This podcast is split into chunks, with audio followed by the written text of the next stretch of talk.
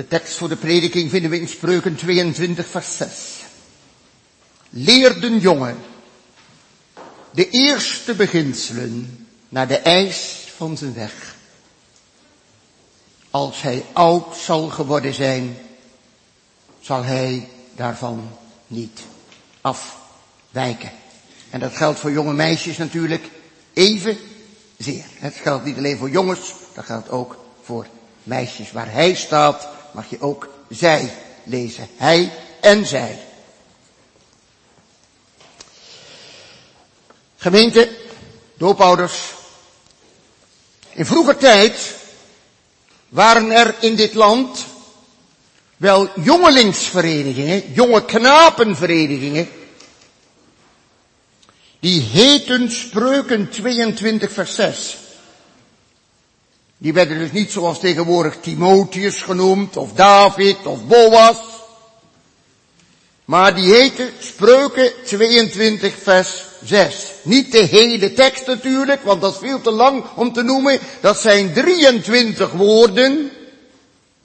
Maar er werd verwezen met die naam naar die tekst. De jeugdvereniging Spreuken 22 vers 6. En dan moest je dus in de Bijbel opzoeken wat er staat. En dat doen wij hier vanmorgen ook.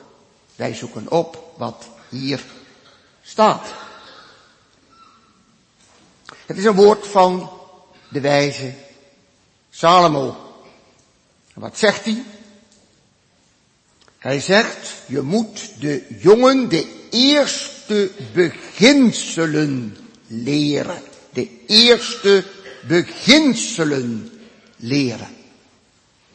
Daar staat in de grondtaal, in het Hebreeuws, een woord dat betekent, je moet de jongen inwijden. Inwijden.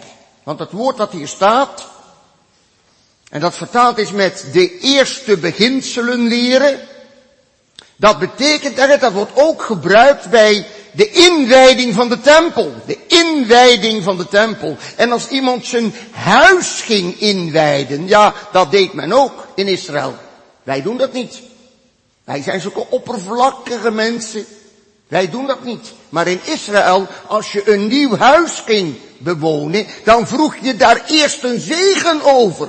Dan ging je dat huis inwijden met gebed en met zegening daarover van God te vragen. Zo deed men dat. Je kunt bijvoorbeeld boven Psalm 30 lezen dat ook David dat gedaan heeft. Want Psalm 30 is een psalm van de inwijding van Davids huis. Daar wordt hetzelfde woord gebruikt als wat hier leren van eerste beginselen heet. Hè? Dus wijd de jongeling in als een huis en als een tempel. Dat staat er eigenlijk. Wijd de jongeling in als een huis en als een tempel in de dingen des Heren. En dat moet je inderdaad doen in alle eenvoud. Daar moet je mee beginnen. Want je kunt, als iemand zwemmen moet leren, kun je hem niet gelijk in het diepe gooien. Dat gaat niet. En als iemand een nieuwe baan krijgt, dan moet hij eerst een beetje ingewerkt worden, niet waar? Ik kan niet zomaar meteen aan de slag gaan. En vroeger, tegenwoordig is dat niet meer zo, als je een nieuwe auto kocht, dan moest die ook eerst ingereden worden. Dan moest je eerst een aantal kilometers daar kalm mee rijden. Tegenwoordig wordt daar geen nadruk op gelegd, al denk ik dat het nog steeds goed is als je een nieuwe auto koopt, dat je er niet direct als een dolle dwaas in wegscheurt. Dat is vast en zeker nog steeds niet goed. En zo is het nu met jonge kinderen ook. Jongens en meisjes. Je moet bij het begin beginnen. Niet bij X, Y, Z, maar bij ABC. Niet met moeilijke woorden, Latijn en Oud-Frans. Nee, aap, noot, mies, Wim, zus, jet, zoals wij dat vroeger op school leerden. Daar begon de juffrouw mee in klas 1, in groep 1. Aap, mies, Wim, zus, jet. Wij leerden lezen met boekjes als het klompje dat op het water dreef. Het karretje dat op de zandweg reed vanwege van der Hulst, van die eenvoudige boekjes, daar leerden wij het lezen mee. En zo raak je vertrouwd met de taal, zo raak je vertrouwd met rekenen en met schrijven, stap voor stap, want anders gaat het de kleintjes al gauw boven de pet. Inwijden moet je ze dus. Salomo zegt in onze tekst niet eens waar je ze in moet wijden. Waarin? Dat zegt hij niet eens. Want dat maakt uit het verband, is dat zo duidelijk, zo duidelijk, dat hoeft er niet eens bij te staan. Het gaat natuurlijk om de dingen van de Heer. Dat is duidelijk uit het verband van het hele boek en van het hele hoofdstuk. En hij zegt ook niet expliciet, uitdrukkelijk, wie dat dan moeten doen. Het is vanzelfsprekend dat daar de vader en de moeder een plek hebben. Maar ook Salomo zelf. Hij was wijsheidsleraar. En hij had leerlingen onder zich, pupillen. Die noemt hij dan mijn zoon. In de, vooral in de eerste hoofdstukken van het spreukenboek kom je dat tegen. Mijn zoon, zo spreekt hij ze dan aan. Dus de leraar spreekt zijn leerlingen aan als zijn kind. Mijn zoon, doe dit of doe dat. Je moet ze opvoeden in de vrezen en in de vermaning van de Heer. Dat zegt Paulus in een van zijn brieven. Voed ze op in de vermaning en tucht, de vrezen des Heeren. En hoe moet je dat dan doen? Let op die woorden. Naar de eis zijns wegs. Wat is daarmee bedoeld met die woorden? Met, met, de eis, naar de eis zijns wets. Ik denk dat heel veel mensen die woorden niet goed begrijpen. Ik denk dat velen denken, dat betekent zeker dat het moet naar Gods gebod, naar Gods eis.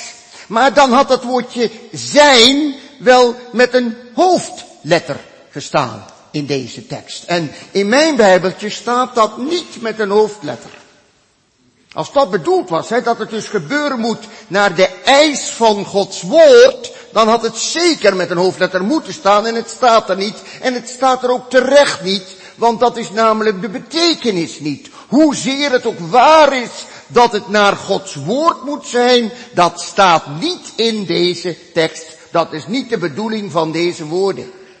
Wat is dan wel de bedoeling van deze woorden? Nou, heel eenvoudig, dat je moet opletten hoe ver je kind in het verstaan gevorderd is. Je moet letten op de eis van zijn weg. Zijn weg, hoe ver dat hij is, dat vereist namelijk van de opvoeder dat hij zich daaraan aanpast. Zijn ze nog zeer klein, dan moet het dus heel eenvoudig zijn.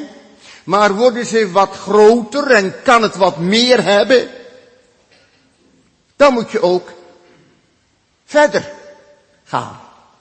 Dan is het niet goed dat je bij de allereerste beginselen bij aapnootmies blijft, hè? Nee, zeker niet, hè? Dan moeten er ook wat moeilijkere woorden worden geleerd in het gewone onderwijs. En ja, dan kun je dus ook je kinderen meenemen in de Bijbel, meenemen in de geschiedenissen van Gods volk en in de woorden van de Heere. Natuurlijk op een kinderlijke wijze.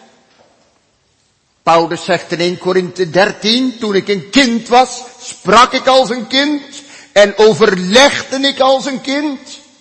Maar nu ik een man geworden ben, nu heb ik afgelegd datgene wat van een kind was. Ja, dat is ook zo, zo hoort het ook te gaan. Als ze groter worden, dan moet je ze niet meer al te kinderlijk toespreken natuurlijk. Hè. Dan moeten ze van de melk naar de vaste spijzen toe. Maar je moet wel beginnen bij het begin in alle eenvoud. En dan zijn er wel eens mensen die denken dat eenvoudig hetzelfde is als oppervlakkig. Maar dat is natuurlijk dus niet waar. Je moet wel eenvoudig zijn In het vertellen aan je kinderen van de dingen van God, als ze klein zijn, heel eenvoudig zijn. Zo eenvoudig mogelijk. Maar dat is niet hetzelfde als oppervlakkig. Je moet het spelenderwijs doen, maar je moet er geen spelletje van maken. Dat klinkt een beetje tegenstrijdig, maar dat is niet tegenstrijdig. Je moet het spelenderwijs doen met een kind, maar je moet er natuurlijk geen spelletje van maken, want het is bloed serieus. Het is net als in het evangelisatiewerk bij mensen die helemaal nergens vanaf weten, van buiten de kerk. En die ontmoet je. En je komt te spreken over die dingen. Ja, dan moet je ook eenvoudig zijn. Maar je moet niet een halve waarheid verkondigen. Niet een eenzijdig verhaal. Niet alleen maar vertellen God is liefde. Nee, je moet ook vertellen over zonde en schuld. Op eenvoudige wijze wie wij zijn. Want God is liefde, dat kan alleen maar daar landen waar je ook iets weet van je verlorenheid, van de zonde en van de schuld. Kijk maar eens hoe de Heer Jezus omging met de Samaritaanse vrouw bij de put. Zij wist nergens van, maar hij wees haar wel op wie ze was. Je moet geconfronteerd worden met wie je bent. En dat moeten onze kinderen ook. Vertel het maar in alle eenvoud. Van Adam en Eva. En dat we een boos hart hebben. Dat we van onszelf zondige mensen zijn. Vertel dat ook maar aan je kinderen, dat moet je niet verzwijgen. Eenvoudig betekent niet eenzijdig. Eenvoudig betekent niet dat we de waarheid verdoezelen moeten. Beste ouders, vertel het je kinderen maar. Hoe het allemaal gegaan is, hoe het allemaal gekomen is, hoe het komt dat deze wereld zo rammelt aan alle kanten. En hoe ons leven rammelt van alle kanten. Hoe dat komt, vertel het ze maar. Zeg het ze maar eerlijk, als je ze ook maar wijst op de zaligmaker. Op de Heere Jezus. Op God die nog gereed staat om een zondig mens, ook een zondig kind, in ontvangst te nemen. Je moet het wel doen naar de eis van zijn weg. Hè? Dus nadat hij gevorderd is in kennis, daar moet je je onderwijs op aanpassen. Zijn ze heel klein, dan zeer eenvoudig. Dan kan het natuurlijk niet zo zijn, een kind van drie, dat je dat op je schoot zet en zegt, we zullen een doopsformulier maar eens gaan lezen.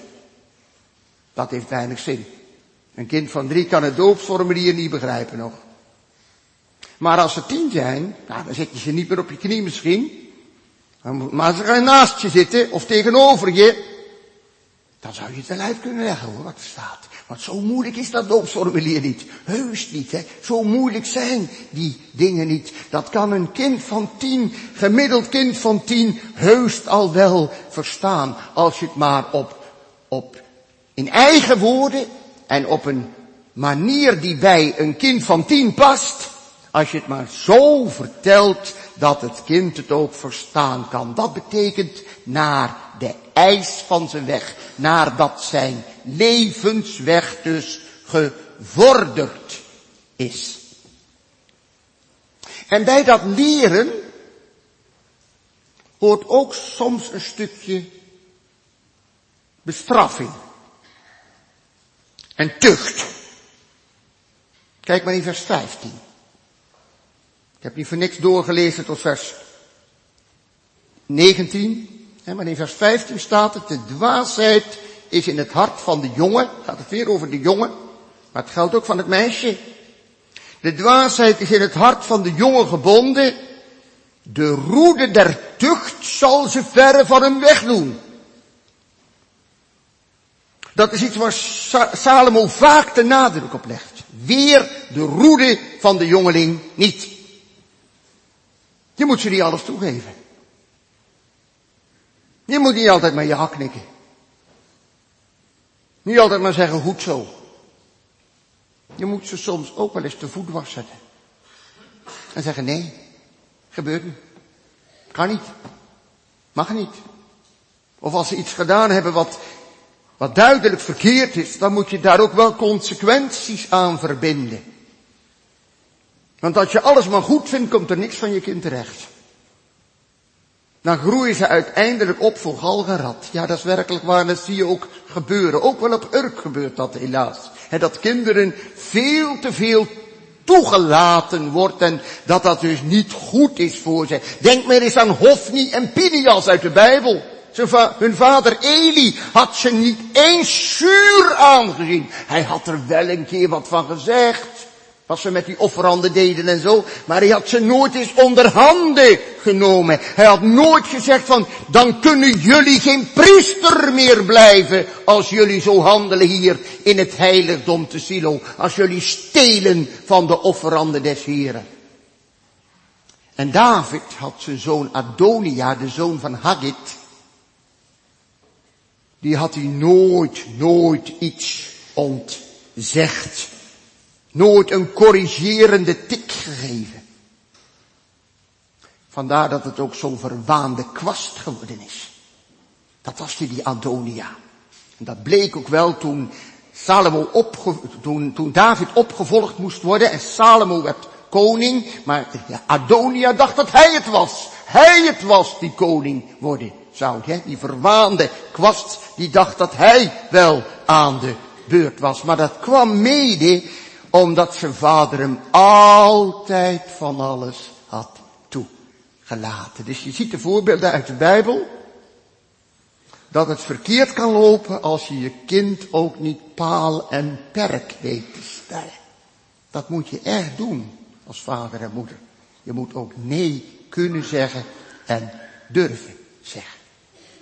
Leer de jongen de eerste beginselen. Wijd ze in. Dat is eerbiedig werk. Een tempel inwijden, een huis inwijden.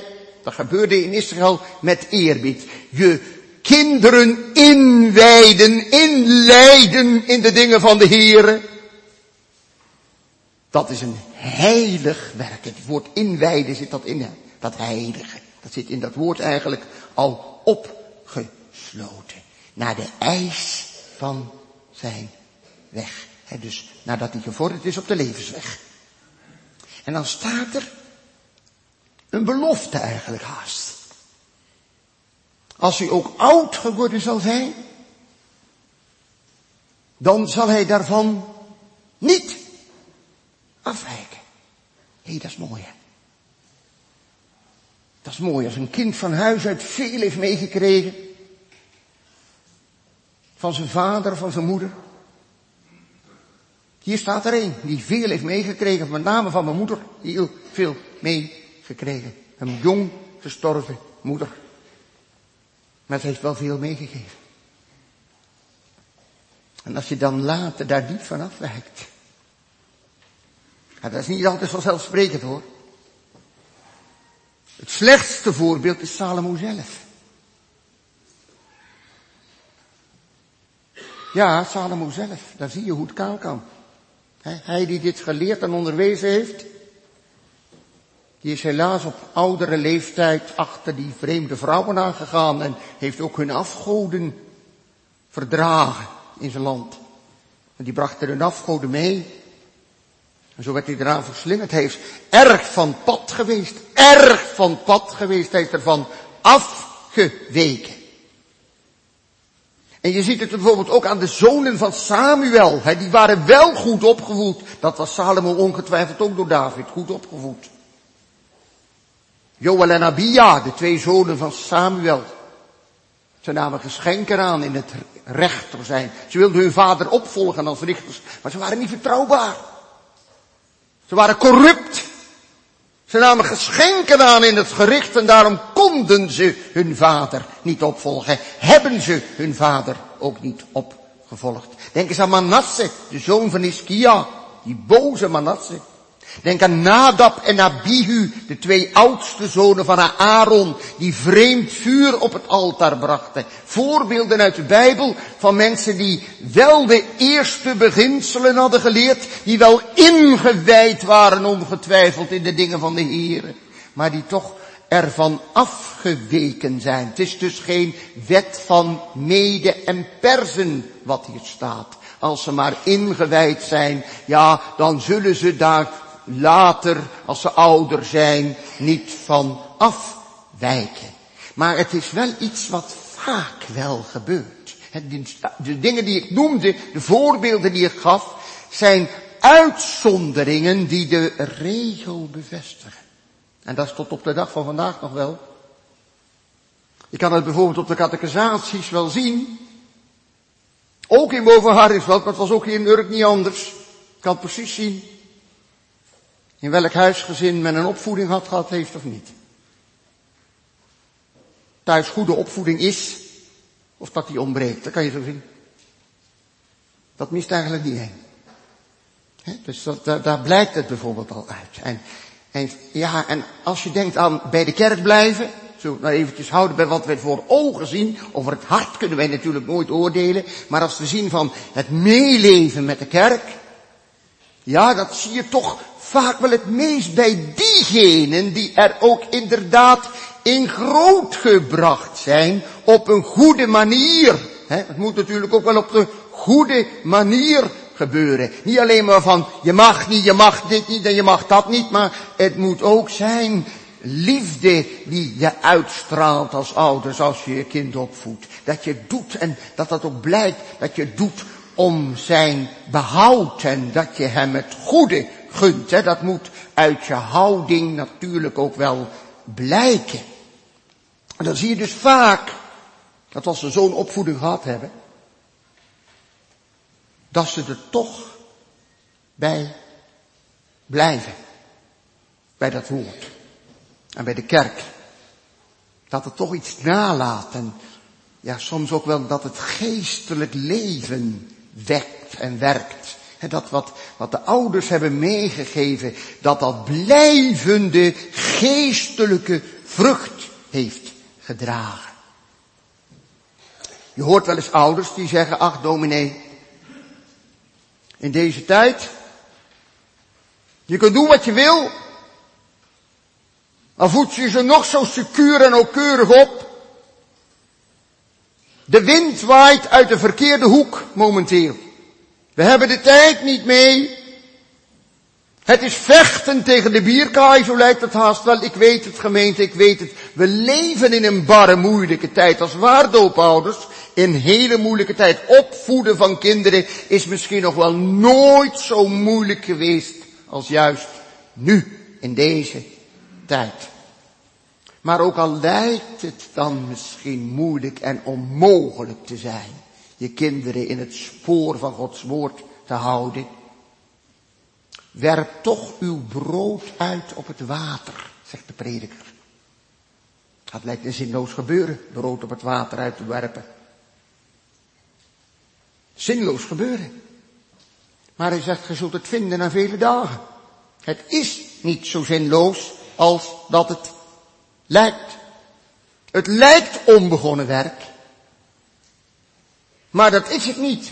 Want God kan het wel ter degen ook nog anno 2021 en de jaren die komen zullen, kan God het gebruiken om daarmee te werken, door te werken in de harten van onze kinderen. Dus geef het nou niet te gauw op.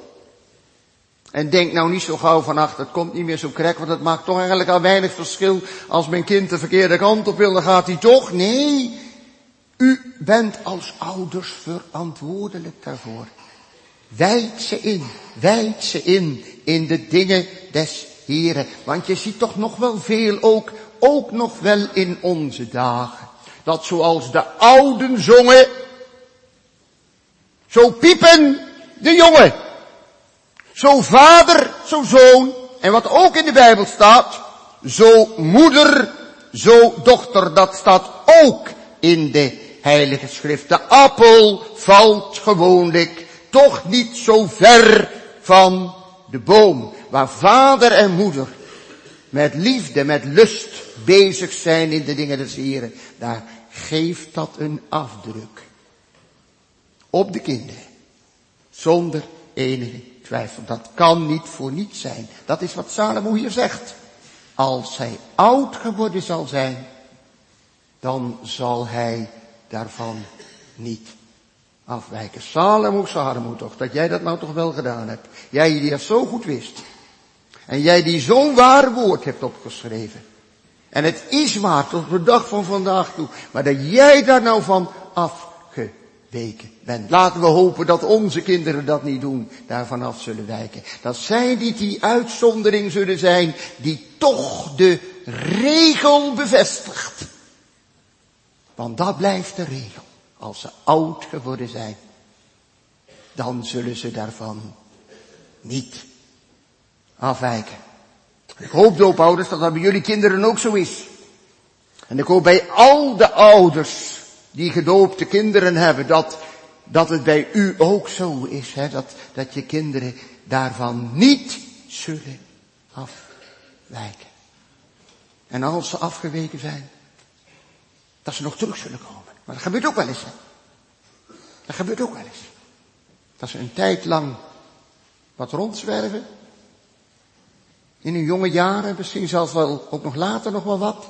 Maar dat, wat ooit datgene wat, wat ze gehoord hebben in de jeugd nog terugkomt. Dat komt voor. Ik ken er ook al voorbeelden van. Dat komt voor. Hè? Dus als je kind nou het verkeerde pad op is, God verlaten heeft en zijn dienst niet meer waarneemt, blijf maar hopen op terugkeer. Dat er nog eens een keer een lampje gaat branden. Een lampje dat vroeger gebrand heeft, dat dat weer aangaat. Dat mag je hopen. Dat je kind wakker wordt. Hopen en bidden.